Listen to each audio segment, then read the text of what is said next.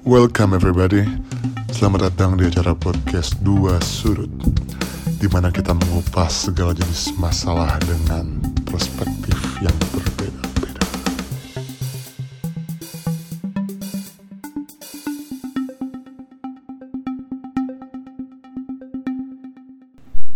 Halo guys, ketemu lagi sama kita di acara podcast Dua Sudut dan this is me, Michael and Andi sekarang kita mau ngomongin tentang kehidupan waktu kita dulu SMA dan mau kuliah gitu deh bro. Jadi sekarang ini dulu itu jadi gua SMA di salah satu sekolah yang kayak Alfamart di kota Bandung ada di mana-mana dan gue tuh sempat bingung sih di. Lu bingung gak sih? Kayak dulu milih jurusan tuh IPA IPS gitu bingung gak sih? Sebenarnya sebelum ke jurusan IPA IPS ya zaman milih kita eh, kuliah atau sorry SMA itu gue udah bingung. Tempat-tempat SMA favorit kan banyak ya guys. Bener gak sih mu Bener sih, tapi waktu dulu gua SMA itu gue emang dapat undangan sih di. Jadi SMP gue sama SMA itu satu merek.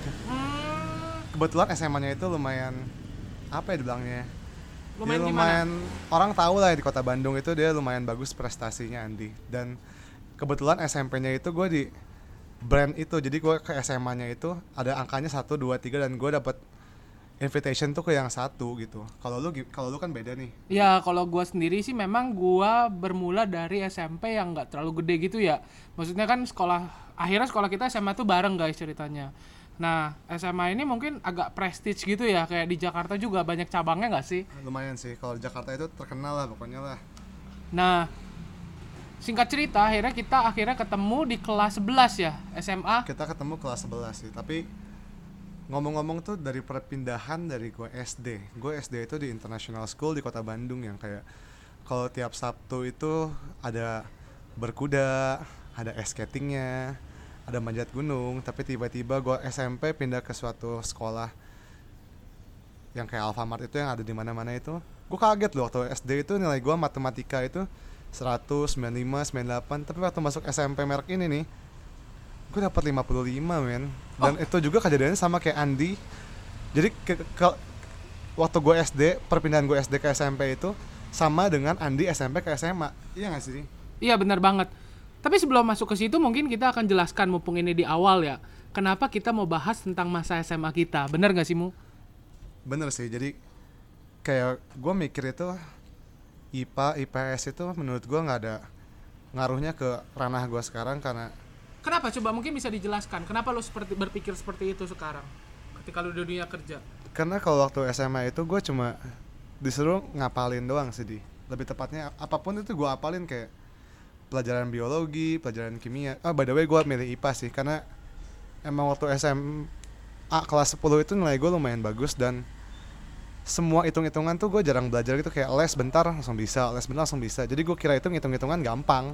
Nggak usah ngapa-ngapain. Agak, agak sombong loh. ya, agak sombong ya. Emang dari dulu emang temen gue ini sombongnya parah sih. tapi kan lo harus dengar dulu lanjutannya. Oh, iya, tapi benar, ternyata o- waktu after gue pilih IPA nilai gue anjlok ke 11 sama Andi. Andi juga tahu sendiri nilai gue hancur. Kayak gue sama Andi sama satu teman kita lagi si Hans namanya kita kayak paling goblok itu di kelas Jadi kita kayaknya itu kalau ranking itu sebenarnya kita punya ranking sendiri, bener gak sih? tiga, Tapi tiga terbawah lah namanya kita, kita goblok tapi kita ada kepintaran di pelajaran masing-masing Mm. gitu Nah, singkat cerita, akhirnya kita itu lulus dari SMA. Tetapi setelah kita bekerja, sedikit banyak kita mulai merasa bahwa ada banyak orang yang ngomong ternyata SMA itu hanya belajar yang akhirnya cuma buat ijazah. Menurut pandangan lu gimana sih dari dua sudut ini? Nah, itu tuh ada tetap dua sudutnya di. Menurut gua pribadi, kalau orang emang pengen ngejar karir di suatu company, orang itu emang harus belajar semaksimal mungkin buat dapat ijazah IPK tiga setengah, laude atau apa. And then mereka bakal lebih gampang keterima kerja. Kalau yang mau kerja, tapi kalau lu mau buka usaha sendiri, mau IP lu 4, IP lu 3, yang penting itu kreativitas di menurut gua. Nah, kreativitas ini kita sering dengar lah dari zaman SMA ya. Tapi bisa muncul dari mana? Kenapa lu sampai sekarang bisa kreativitas itu lebih penting? Tapi menurut gua sebelum kreativitas kita tetap harus punya attitude, bener gak sih? attitude attitude itu nomor satu tetap jadi gue dari dulu emang tetap sih manusia itu mau lu jadi direktur mau lu CEO mau lu apa mau lu anggapannya tuh supir taksi supir angkot tapi ya tetap menurut gue sama-sama manusia semuanya sama menurut gua sama-sama makan nasi kita kan Andi Betul lah, masih makan nasi belum makan besi. tapi maksud gue itu tetap yang satu tadi dari perpindahan tadi kayak Andi pun dari SMP-nya ranking 1 SMA-nya enggak Ya, jadi sedikit share ya guys kayak saya nggak tahu nih apa yang Michael rasain. Tapi di sisi saya SMA itu seakan-akan hanya ingin membutuhkan prestasi yang menunjukkan dari segi kayak misalkan matematika, akuntansi dan lain sebagainya. Dan itu anak diadu. sebenarnya semua orang diadu untuk bisa segala hal. Jadi waktu SMA itu kita dengerin sih rekaman Om Deddy Corbuzier di SoundCloud. Oh iya bener banget tuh. Om Deddy lagi happening waktu itu. terus Andi itu play rekaman itu di kelas. Di setiap guru dia play. Coba ibu dengerin ini coba bapak dengerin ini. Gitu deh Nah, semangat banget tuh Rekaman Om Deddy itu waktu itu yang bilang, penting gak sih sekolah? Kenapa kita harus belajar? Karena Om Deddy punya pandangan yang lain dari dua sudut pandang yang berbeda. Betul sekali Andi. Exactly. Karena kata-kata di pot di rekaman Om Deddy waktu itu ada benernya dan ada enggaknya. Pasti ada pro kontranya dong. Kalau di sisi orang-orang orang tua zaman dulu pasti nggak setuju dong. Anakku harus kuliah lah, harus SMA, harus dapat nilai bagus, biar dapat gelar tinggi, kerja di kerja di perusahaan bagus. Tapi pada titik sekarang gue mikir gitu. Gue malah mikir kenapa nggak dari SMA gue mulai dagang. Nah, itu poin yang sangat bagus kok itu kalau di gua di sisi gua karena gua sekarang jualan kan lo kalau inget waktu gua SMA kelas 3 gua jualan celana Iya betul, celana kita mulai dari gua celana. jualan ya. celana Betul, betul. Lu- lu Mujins mulai dari namanya mereknya Mujins gua jualin Cino orang mau bikin gua bikinin dulu kan happening tuh warna coklat tua ada yang warna hijau apa teman gua request bikin apa gua bikinin gitu. Tapi endingnya gua tutup gulung tikar Oh, gulung tikar juga ya. Ada pahitnya juga sebenarnya ternyata ya. bukan gulung tikar sih tapi gue berhenti karena menurut gue itu nggak efektif misalkan Ani mau bikin ukuran 34 gue udah bikinin ukuran 34 and then ternyata kurang slim fit atau apa gue benerin lagi atau apa malah jadinya itu capek di jalan Oh, karena gitu. sistemnya itu nggak bagus tapi gue dapat pelajaran banyak hal dari gue jualan celana di kaskus endingnya sekarang gue udah mulai jualan tas waktu kuliah nanti gitu I see. Sebenarnya kalau dari gua ya untuk eh, mempersingkat kita rangkum dalam kata-kata. Sebenarnya SMA itu ada dua, dua sudut. Di mana kadang kita merasakan takut, takut dari sisi orang tua, takut dari nilai kita yang rendah. Jadi kadang belajar itu jadi nggak have fun guys. Belajar itu malah di, dipush oleh ketakutan. Memang ada bagusnya kita dipush oleh nilai minimum. Tetapi nggak selamanya dari ketakutan itu kita berkembang. tapi menurut gue itu kalau SMA itu eh sorry ya guys by the way kalau ada suara-suara motor gitu karena kita lagi ada di Jakarta di suatu tempat buat kita sebat-sebat di balkon jadi kayak ada suara-suara motor lewat ya yes oke lah ya biar ada ambience-nya gitu lah Oke lanjut. jadi gue mikir kalau SMA itu dulu kita semua itu harus bisa semuanya sedangkan guru pun cuma bisa satu pelajaran Betul. ini sebenarnya udah adil nggak sih? Adil nggak sih? itu menurut gue dulu nggak adil banget Dan Tapi- dia itu udah punya pengalaman seperti misalkan umur 40 tahun guru tuh. Dia udah ngajar pelajaran itu selama 15 tahun. tapi endingnya mereka pun nggak pakai kan kehidupan Nah, ini mereka kan hanya belajar teori. Ah, Not exactly. learning by doing. exactly Ani. So that's why kayak gue lihat sekarang banyak uh, kurikulum berubah. Kenapa? Kita itu butuh praktek. Gue setuju banget sama namanya Nadiem Makarim itu sekarang bikin revolusi untuk kampus untuk katanya UN mau digadain guys ya itu bagus banget kalau menurut gue. Gue sebenarnya setuju sih kalau UN gak ada, karena menurut gue itu ya jujur-jujuran lah UN di negeri ini bocoran soal udah di mana-mana. Walaupun kema- walau Bahkan lu pakai waktu itu ya. sebenarnya gue nggak minta, Oh lu gak minta tapi dapat. tapi ada teman-teman gue itu yang kenal lah, bilangnya punya kenalan apalah di Bandung. sekarang lu bayangin deh, kita sekolah di sekolah yang pres- prestige, tapi ternyata sebenarnya sama aja nggak sih? UN didesain hanya untuk hanya untuk sementara gitu guys, kayak hanya untuk dapat nilai, lalu lulus, lalu menyatakan kita sebagai sarjana, bukan sorry sebagai lulusan SMA. Menurut kalian gimana guys? Sebenarnya menurut gue ya Andi ya, karena terakhir ini kan gue buka lowongan kerja nih buat perusahaan gue ini. Itu pun banyak banyak orang yang apply itu ada yang D3, akuntansi atau apa, tapi tetap nilai UN-nya itu masih 60, 50.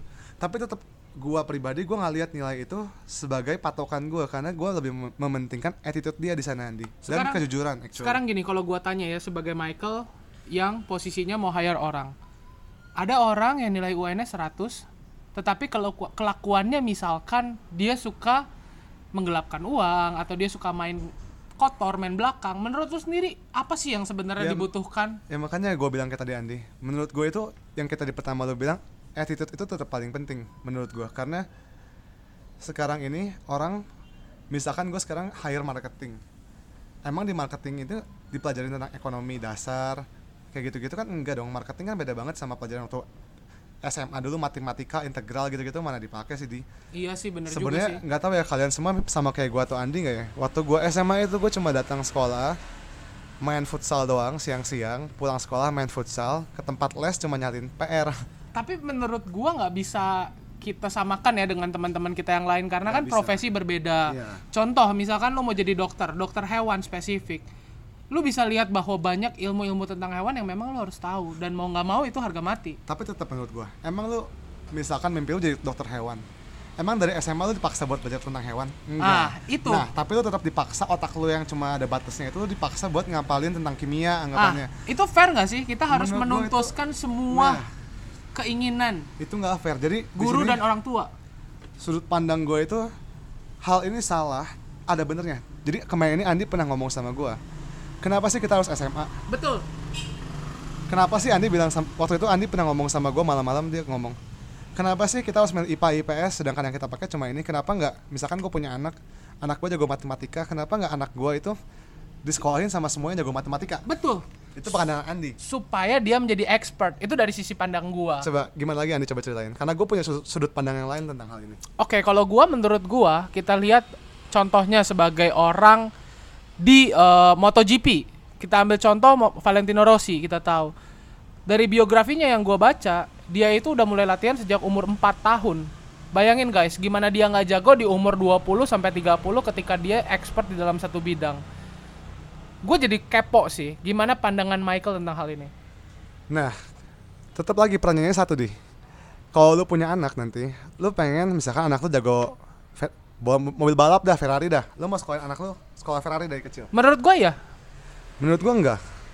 Tapi emang semua orang punya jalan masing-masing. Tapi kalau gua itu lebih setuju kayak kalau anak gua itu tetap kayak sekarang di. Misalkan ada sekolah, ada UN, tapi dia di rumah belajar hal yang dia suka karena menurut gua anak lu jago matematika anggapannya. Tapi kalau satu satu sekel- sekelas sama anak yang jago matematika dari SD sampai SMA, lu tahu gak sih image anak matematika tuh kayak gimana? Nerd. 90% nerd cuma bisa baca yang kalau lu minta contekan nggak akan dikasih. betul lah. Siapa yang Bener mau kan? ngasih nggak sih? Nah tapi menurut pandangan gue, kita sekolah itu dikumpulin dengan anak yang berbeda-beda. Ada yang suka matematika, suka sosial, suka suka pelajaran yang masing-masing lah.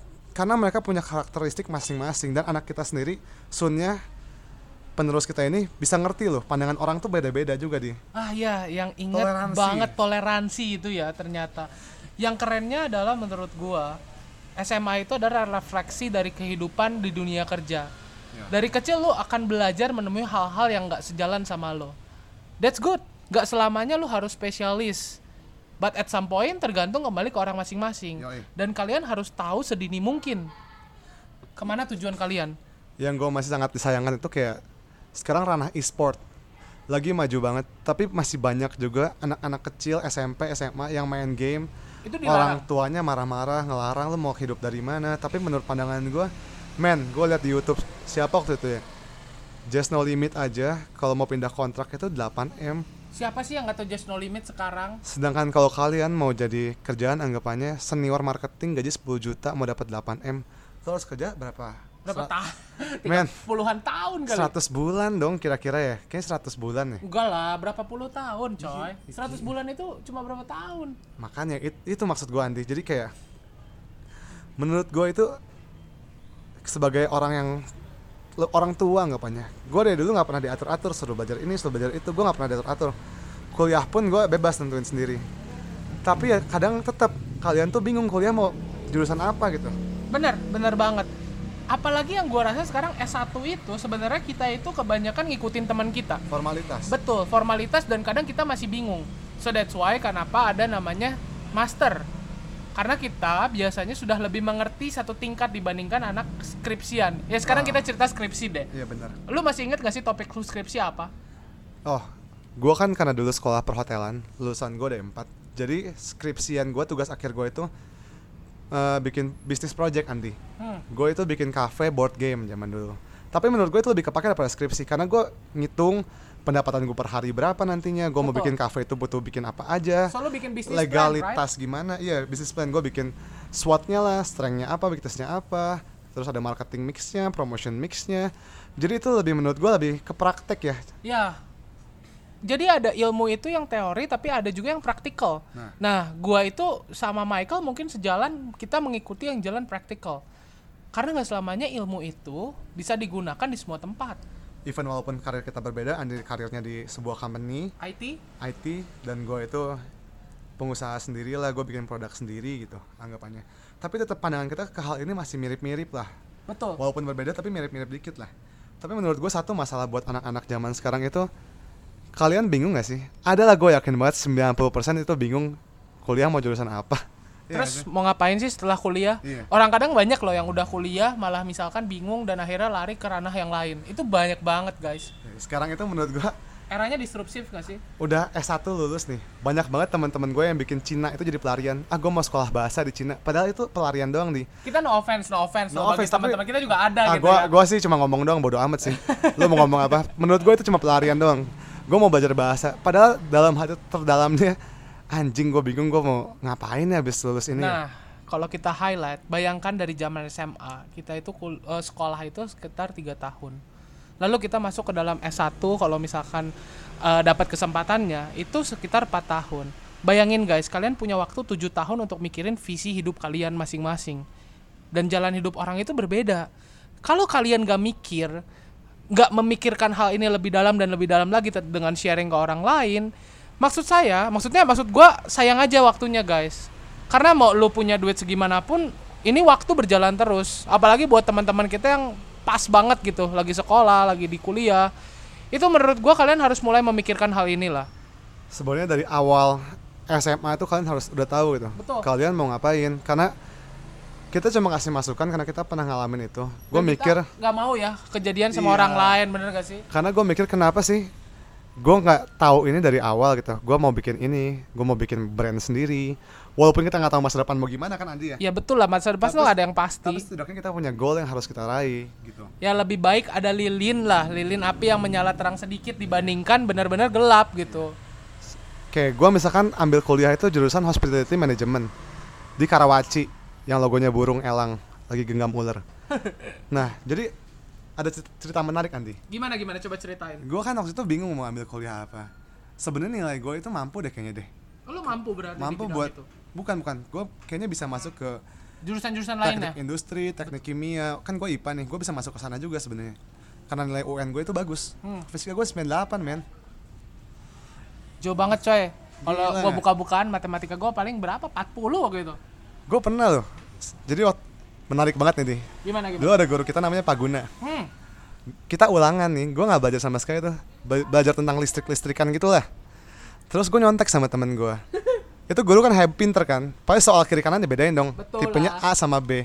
Gue udah tahu nih soal misalkan soal baterai itu nomor 9 di gue di temen gue itu namanya Alex. Di si Alex tuh nomor 7 ya udah gue bilang Lex baterai nomor 7 berapa? Jawabannya A ternyata si bangsat jawabannya tukar juga di Oh, jadi di gua ditukar. misalkan di Alex A di Gua gua tuh loh C. Oh. jadi waktu guru gue depan Michael 10 anjing gue seneng banget kan tapi 10 dari dari 100 itu kayak itu sakit sih sakit gue sih banget. tapi gue nggak nggak ya bodo amat di karena gue udah nggak masalah nilai ya waktu itu Nah, kalau gue beda ya sama lu ceritanya. Gue kayak waktu itu sekolah itu dengan duit yang pas-pasan cukup. Gue nggak mau ngecewain orang tua gue. Dan orang tua gue pastilah kita semua orang tua tuntutannya tinggi nggak sih? Tapi tetap walaupun nilai ulangan gue 10 dari Do, re, mi, 100 fa, atau ya? gimana tapi di UN nilai gue lebih bagus dari teman-teman gue Nah, iya kan Berarti kayak gue dapat kita 10 tapi bisa- UN gue dapat 98 di kita bisa ambil kesimpulan begini. Kadang-kali kita melihat teori atau misalkan ulangan-ulangan atau post-test ya bahasa kita ya Terlalu dulu. penting. Iya, terlalu penting. Ternyata kan achievement kita pas lagi kita lihat ke depannya adalah UN. Jadi jangan berpikiran kayak sumbu pendek lah. Mungkin kita sekarang gagal, mungkin kita sekarang lagi susah. Tapi percaya aja kalau kita setia, kalau kita selalu lakukan dan belajar, belajar baik betul hal-hal baik, itu pasti akan ada buahnya nanti yang akan kita tuai. balik lagi ke story tadi kayak gue masuk kuliah walaupun bingung kalau Andi kayaknya nggak bingung deh lu kuliah nggak bingung kan mau milih apa Iya, karena kuliah gua udah dibilangin sama teman-teman gua kayaknya IT kayaknya cocok buat lu. emang lu cocok banget IT di gue tahu banget tapi gue bingung gitu gue mau masuk apa nah walaupun gue agnostik ya. Gue doa di waktu waktu itu gue doa di. doa? gue berdoa men. Oh. gue bilang Tuhan gue bingung kuliah masuk mana tolong kasih gue jalan. Sesimpel tapi ternyata, itu Tapi ternyata kalau lu Nah. reflect back, ada yang jawab nggak sih? ah men lu harus denger dulu men. Gue belum beres. Jadi ceritanya tuh gini. Someday gue pulang les abis nyalin PR gue buka Facebook. Gue nggak tahu kenapa gue buka Facebook di. Iya. gue nggak gue jarang banget buka Facebook buat apa men Iya sih. gue buka bener. Facebook dan di home screen paling awal udah keluar tuh Universitas papa ha- uang papa habis jurusan hospitality management dan gue langsung apply keterima men dan gue kuliah di sana Nah, berarti bener kan kadang kita cari kuliah bisa untung-untungan, bisa kadang kejadian Nah, kayak temen exactly. gua Michael. Jadi kalau kita reflect back ke kehidupan kita sekarang, kita udah kuliah misalkan, jangan pernah melihat hal-hal seperti itu remeh. Jangan pernah meremehkan hal-hal yang kecil. Bener banget. Tapi menurut gue semua jalan udah diatur. Karena Betul. walaupun gue pilih di di Universitas uang papa habis itu gue futsal di. Lu tau gue hobi futsal? Ya gua tahu. gue ketemu sama temen SD gue waktu gue futsal and then temen SD gue itu ternyata kuliah di sana juga. Oh. awalnya tuh gue nggak punya teman sama sekali. Nggak ada temen gue yang kuliah di sana. Betul. karena semua orang gosipnya kan di sana kan uang papa habis mahal. Semua orang bawa Ferrari bawa Porsche. Tapi gue masih memberanikan diri buat ke sana aja gitu karena itu udah jalan yang di atas gue mikir. Nah ditambah lagi gue futsal temen gue ada yang ke sana beberapa. Jadi gue punya temen walaupun be- beda jurusan ke sana. Dan akhirnya gue enjoy sih karena walaupun awalnya gue di jurusan gue sendiri awalnya gue nggak kenal siapa-siapa. Dari 400 orang gue nggak kenal satupun tapi waktu itu mungkin karena gue punya communication skill gitu jadi kayak gue bisa ngobrol sama orang. Endingnya gue punya koneksi yang bagus yang bermutu lah gue bisa bilang lah. Nah, communication skill ini menarik. Kenapa kita mau bahas lebih dalam tentang communication skill? Kita pernah dengar gak sih banyak ilmuwan-ilmuwan hebat yang nggak bisa menyalurkan idenya mereka? Karena mereka lack of communication. bener banget Benar gak sih? bener banget sih Nah, coba dari sudut pandang kalian guys, karena kita kan dari pandang dua sudut yang seperti udah dijelaskan di episode pertama. Menurut kalian, apa sih yang kalian itu ingin sampaikan atau ingin ceritakan ke kita? Mungkin nantinya kita akan tampung itu semua bisa via Instagram, betul nggak sih? eh by the way kita udah punya Instagram ya Oh kita udah aktif Instagram kita. namanya itu dua sudut duanya angka dua dan sudut jadi kalian bisa follow kita di sana aja nanti kita bisa bikin Q&A buat next podcast minggu depan mungkin hari Rabu kali ya kita up Q&A-nya dari Iya. Senin sampai Rabu dari Senin sampai Kamis lah kita bikin Q&A Q&A yang menarik nanti kita bakal kumpulin Nah, betul. Jadi kalau kita balikan ke semua inti pembicaraan kita, sebenarnya kadang waktu itu nggak ada yang tahu. Kadang waktu itu terus berjalan, tapi kita nggak bisa punya waktu itu selamanya. Karena hidup kita itu terbatas, bener gak sih? sebenarnya bener banget nih tapi gue tetap tetap mau ngomong di sini kadang ada orang bilang nggak menurut gue semuanya bilang sih mostly orang bilang sih kebanyakan lu kuliah itu cuma buat nyari koneksi menurut lu gimana di Kalau gue setuju. Kalau gue jujur setuju. karena di tempat kuliah gue itu gue bener-bener dapat koneksi ada yang orang Jawa, Semarang, Surabaya, Bangka, Manado, Papua. Dan itu memperluas cara pandang lu Betul banget. terhadap masalah. Gue mikir kalau gue masih kuliah di Bandung, gue gak akan punya usaha sampai kayak sekarang di. Kenapa? Karena jadi nanti bakal gue bahas di podcast keempat nanti. Oh, karena ke- keempat. karena ketiga itu bakal cerita tentang Andi. Betul, tentang masa lalu gua lah yang gue bilang Tentang ya. Masa lalu si Tanto ini. Dan menurut gua apa yang udah Michael omongin itu benar sih guys. Jadi kadang koneksi itu banyak orang yang bilang kan kadang koneksi itu penting. Bayangkan deh kalau ka- anak kalian misalkan kalian ingin didik kayak tadi Valentino Rossi. Mungkin nggak semuanya nggak selamanya dia dapat koneksi. Ambil contoh Michael Jackson. Michael Jackson jago banget sih sebagai king of pop. Tapi tetap dia itu butuh friendship, butuh yang benar-benar dihargai dan dia punya waktu dia sendiri gitu loh. Jadi gue takut kalian salah nangkep ya. Takutnya kalian nangkep itu koneksi, koneksi, koneksi. Koneksi artinya cari teman sebanyak-banyaknya, kayak cari kenalan sebanyak-banyaknya. Tapi menurut gue bukan itu di. Temen tuh ada beda-beda jenisnya Jadi kan. jenis teman-teman tuh macam-macam. Tapi yang gue maksud koneksi di sini di sini itu sahabat-sahabat dari kuliah gue yang awalnya nggak kenal sampai sekarang bantuin kita jatuh ataupun bangun, yang bisa kasih kita kasih kita masukan. Ya maksud gue yang circle-nya makin lama makin kecil lah. Mungkin awal-awal lu dapat ya kayak funneling lah. Awal awal awal sih kita ya awal awal punya banyak teman kan keren maksud gitu. gua kayak funneling lah kayak funneling di digital marketing kalau kalian ngerti lah. Di top funnel itu kita cari teman sebanyak banyaknya nanti ter- tersaring beberapa teman main dibilangnya di. Betul teman main dulu di dong top funnel itu kita punya kenalan anggapnya di top funnel. And then lu bakal kecilin ke middle funnel itu kayak ke teman main. Teman nongkrong teman main. Tapi nanti lagi ada lagi ke bottom funnel. Itu tuh sahabat sahabat yang setia yang, mau setia, bantu lu yang pas lagi susah. Nah, itu gua- yang kadang jarang banget. itu lu cari koneksi yang kayak gitu tapi di atmosfer yang berbeda tempat kuliah kan beda dong sama Hmm. kalau di Bandung gitu-gitu aja main hidup gua bukannya gue jakin Bandung ya Enggak sih sebenarnya kita juga berdua dari Bandung dan kita bangga sih sama Bandung. Mungkin ma- maksudnya Michael kadang ada daerah-daerah yang kita bisa melihat potensinya itu lebih banyak dibandingkan kota kita atau mungkin kota lain berasal. kalau menurut gua nih se- sejujurnya di kampus gua mahasiswanya kalau gua bisa bilang di pelajaran itu goblok-goblok di Kenapa bisa goblok? nggak ngerti. Hitungan semuanya bodoh-bodoh. Ngitung apa juga. Dikasih rumus dia masih bingung. Tapi menurut lu penting. tapi karena gue IPA ini nih IPA tuh ada pentingnya loh. Logi- logika kita jadi bagus. Nah, logic logiknya loh. Bukan gara-gara bisa Jadi- integral, bisa apa ya? jadi logiknya kita sering bikin rumus sendiri. Jadi kayak kuliah gue suruh ngitungin food cost apa. Gue nggak usah pakai rumus gue bisa ngitung sendiri di tapi orang-orang di sana itu yang kuliah di tempat gue itu masalah kayak gini mereka ngerti. Tapi bahasa Inggris mereka bagus banget dan cara mereka cari duit pandangan mereka ke uang mereka lebih pinter di. Karena mungkin diajarin sama orang tuanya dari kecil udah tentang uang di. Nah, itu. how to make money. Karena jujurnya lu kuliah buat apa? Buat make money Karena kita rasa pendidikan finansial untuk kita sendiri ya, apalagi SMA kuliah itu masih minim ya. Bener gak sih kayak cara mengatur duit? gue bukan minim itu udah nol besar di Berarti sebenarnya kalau menurut gua ada satu buku panduan referensi kita itu ya dari Robert Kiyosaki, rich dad poor dad Rich Dad Poor Dad dan Michael katanya udah beresin buku itu ya Michael. itu gue baca kira-kira jadi buku pertama yang gue baca itu Rich Dad Poor Dad dari Robert Kiyosaki itu tiga tahun lalu di kayaknya di. And then abis baca buku ini gue baca buku-buku lain. Gara-gara buku itu di. Karena nah gini satu, satu hal nih. Orang-orang misalkan gue kasih masukan baca buku lah. Aduh gue gak suka baca buku. Anjing lu kira gue suka baca buku? Gue juga gak suka men. Tapi baca buku itu buat ilmu. Kita Nah. terbentuk itu gara-gara apa yang kita nggak suka. And then dia apa yang kita nggak suka itu membentuk kita jadi pribadi yang lebih baik lagi. Kita berkomitmen, bener gak sih? bener banget.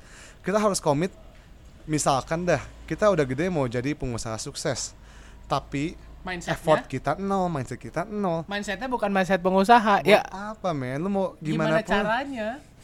lu mau buka usaha takut ah takut gagal takut gagal mindset lu kayak gitu lu kapan mau bukanya Justru pengusaha yang sejati adalah pengusaha yang sering gagal dan suka gagal, bukan takut gagal.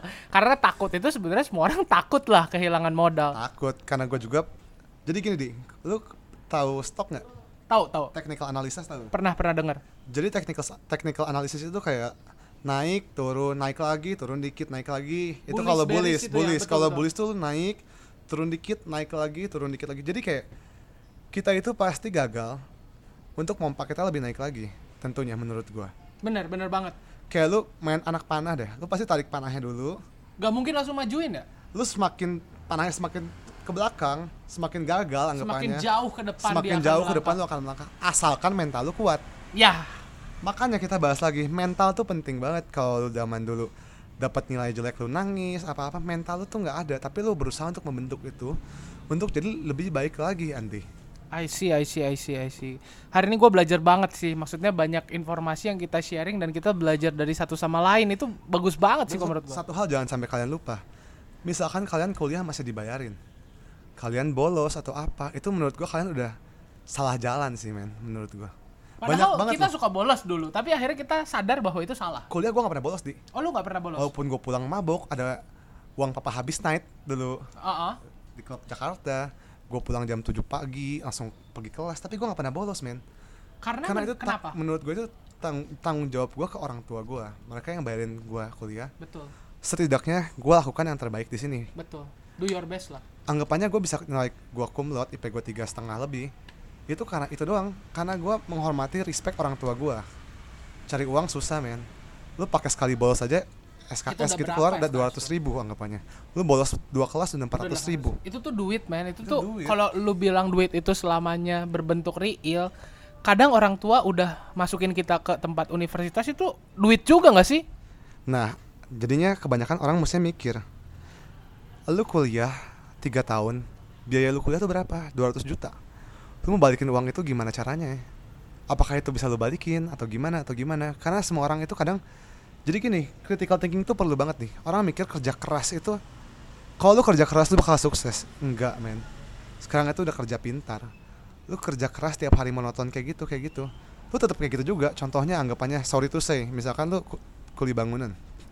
Kerja lu sangat keras menurut gua tapi lu selamanya bakal jadi kayak gitu kalau lu nggak berubah mindset lu Jadi mandor misalkan. karena lu harus critical thinking lu harus kerja pinter gitu anggapannya gue lihat kayak Ahmad Saroni ya Iya. bener gak sih bapak Ahmad Saroni itu dulunya supir kalau nggak salah Hmm. tapi sekarang dia punya company-nya karena critical thinking dia jalan dia kerja keras juga kalau jadi, jadi supir pasti dia kayak gitu terus tapi kalau dia bisa belajar dari atasannya belajar itu, dari betul. kaptennya belajar dari Contoh Bosnya. lah sebagai leader. lu bisa bikin sesuatu yang sama kayak dia juga Nah, yang penting adalah pola pikir kalau mau kita pikir. jadi kalau gue bisa simpulin sekarang itu yang gue mau bahas itu waktu kalian SMA jangan lupa baca buku yang bisa ngubah mindset lu sebelum terlambat menurut gue itu doang masukan gue buat kalian semua coba ubah mindset kalian lah jangan takut gagal kalau mau jadi pengusaha ya jalan hidup orang beda-beda. Tapi kalau mau jadi pengusaha mungkin ini bisa jadi tips, untuk kalian. Jangan takut gagal. Kalau udah gagal ya bagus anggapannya misalkan gue punya usaha gagal. Ya ya is oke itu pengalaman gue lagi karena gue udah pernah Jadi mulai gue udah pernah pernah mulai dari nol. And then ya kenapa gue gak bangun dari nol lagi? Gue udah pernah bisa bikin dan bisa berhasil. Kenapa? Why not lah? why not gitu? Anggapannya gue pernah belajar main forex. Forex itu foreign exchange. Lu kalau bilang ke orang orang tua main saham main forex goblok lu buang-buang duit buat apa itu pasti buang uang lu habis tapi mereka nggak ngerti di Tergantung. karena forex itu emang forex bisa habis tapi tergantung lu Cara manage. punya risk management Betul. kalau bisa menang 5 risk 1 you take the risk man. Yang kalah adalah kadang kita kalah sama ego kita, Ego kita, sama greed mental kita. kita greed kita makanya gue bilang mindset tuh paling penting mindset tuh penting banget tapi waktu itu juga gue gagal main forex tapi gue belajar belajar lagi sampai bisa dapet duit waktu itu gue pernah menang forex per hari dengan modal 200 ribu bisa dapat sehari 300 ribu 300 ribu kayak gitu di karena itu mindset dikit kita belajar walaupun gue belajar hilang misalkan 1000 dolar tapi gue tiap hari abis itu bisa belajar lagi jadi lebih baik lagi ya why not man Bener-bener banget, bener banget. kadang tuh semuanya nggak butuh proses Nah, itu di kadang semuanya itu pengen instan yes. Itu yang kadang gua rasain banget dari pola pikir gua zaman SMA, guys. Karena sesuatu yang instan tuh bakal cepet juga. Sorry itu saya contohnya es kepal Milo. Ini gue nggak tahu bener atau salah, tapi ini menurut pandangan gue sendiri di sudut pandang Michael. Oke. Es kepal Milo cepet naik. Sekarang udah lu lihat udah nggak ada. Karena prosesnya pelan. Jadi kayak apa pun yang kayak anggapannya itu lu bangun pondasi 10 tahun itu bakal kuat. Lu bangun pondasi satu satu bulan itu hancurnya lebih gampang di. Ya, Tapi ini menurut gua ya, gua nggak tahu ini benar atau enggak, tapi kan gua cuma kasih tahu sudut pandang gua doang di sini. intinya kalau kalau dari gua mungkin sudut pandangnya kayak lagu. Lagu-lagu yang kayak kalian dengerin itu pasti sih pernah denger lagu-lagu legend bener gak sih? Yep. Kenapa sih lagu legend itu bisa nggak mati-mati sampai sekarang didengerin tetap nyambung, tetap orang suka? Karena mereka punya prosesnya sendiri buat band, ada segala macam kesulitannya mereka dan akhirnya mereka bener-bener mengeluarkan value yang terbaiknya. Betul. bukan hanya proses instan yang kayak sekarang sorry itu saya kayak banyak anak artis yang mau ikut numpang tenar segala macam suaranya di dubbing lah suaranya misalkan diedit ya bisa tenar tapi kan beda kualitasnya guys Bukan, mereka itu lupa proses. betul Jadi kita mau ngomong terakhir di podcast kita ini. Kesimpulannya dari gua kalian coba baca buku beberapa buku. Contohnya anggapannya kalau kalian punya mimpi tinggi, kalian tetap pegang teguh mimpi itu. Itu kata buku Think and Grow Rich karya Napoleon Hill. Gue udah baca. Dan kalau mau ngubah mindset, baca Rich Dad Poor Dad. Kalian baca dua buku itu, satu bulan aja beres dua buku itu. Itu udah bisa ngubah pola pikir banyak kalian hal, pola pikir, mindset, banyak hal yang bisa kalian ubah lah. dan Anggap- pelajari dan menjadi pribadi yang lebih baik lagi Iya, anggapannya dulu kayak gue nilai orang itu cuma dari materi materi atau apa. Kalau sekarang itu gue udah beda pandangan sudut gue di. Sudut pandang gue udah beda ke orang-orang. Jadi itu doang masukan gue itu coba ubah mindset kalian. Mungkin kalau dari Andi itu proses kali ya Betul, betul. Mungkin Michael harus gua juga sendiri belajar banyak dari Michael ketika dia udah baca, dia sharing itu benar-benar jadi motivasi juga buat gua untuk belajar dan belajar dan jangan pernah lupa belajar. Ngutip kata Steve Jobs sih katanya ya, stay foolish, stay hungry. oh bener banget kalau orang udah pernah puas gue kadang punya ini mindset punya gue sendiri ya quotes dari gue sendiri kalian bersyukur boleh tapi untuk saat-saat tertentu saja.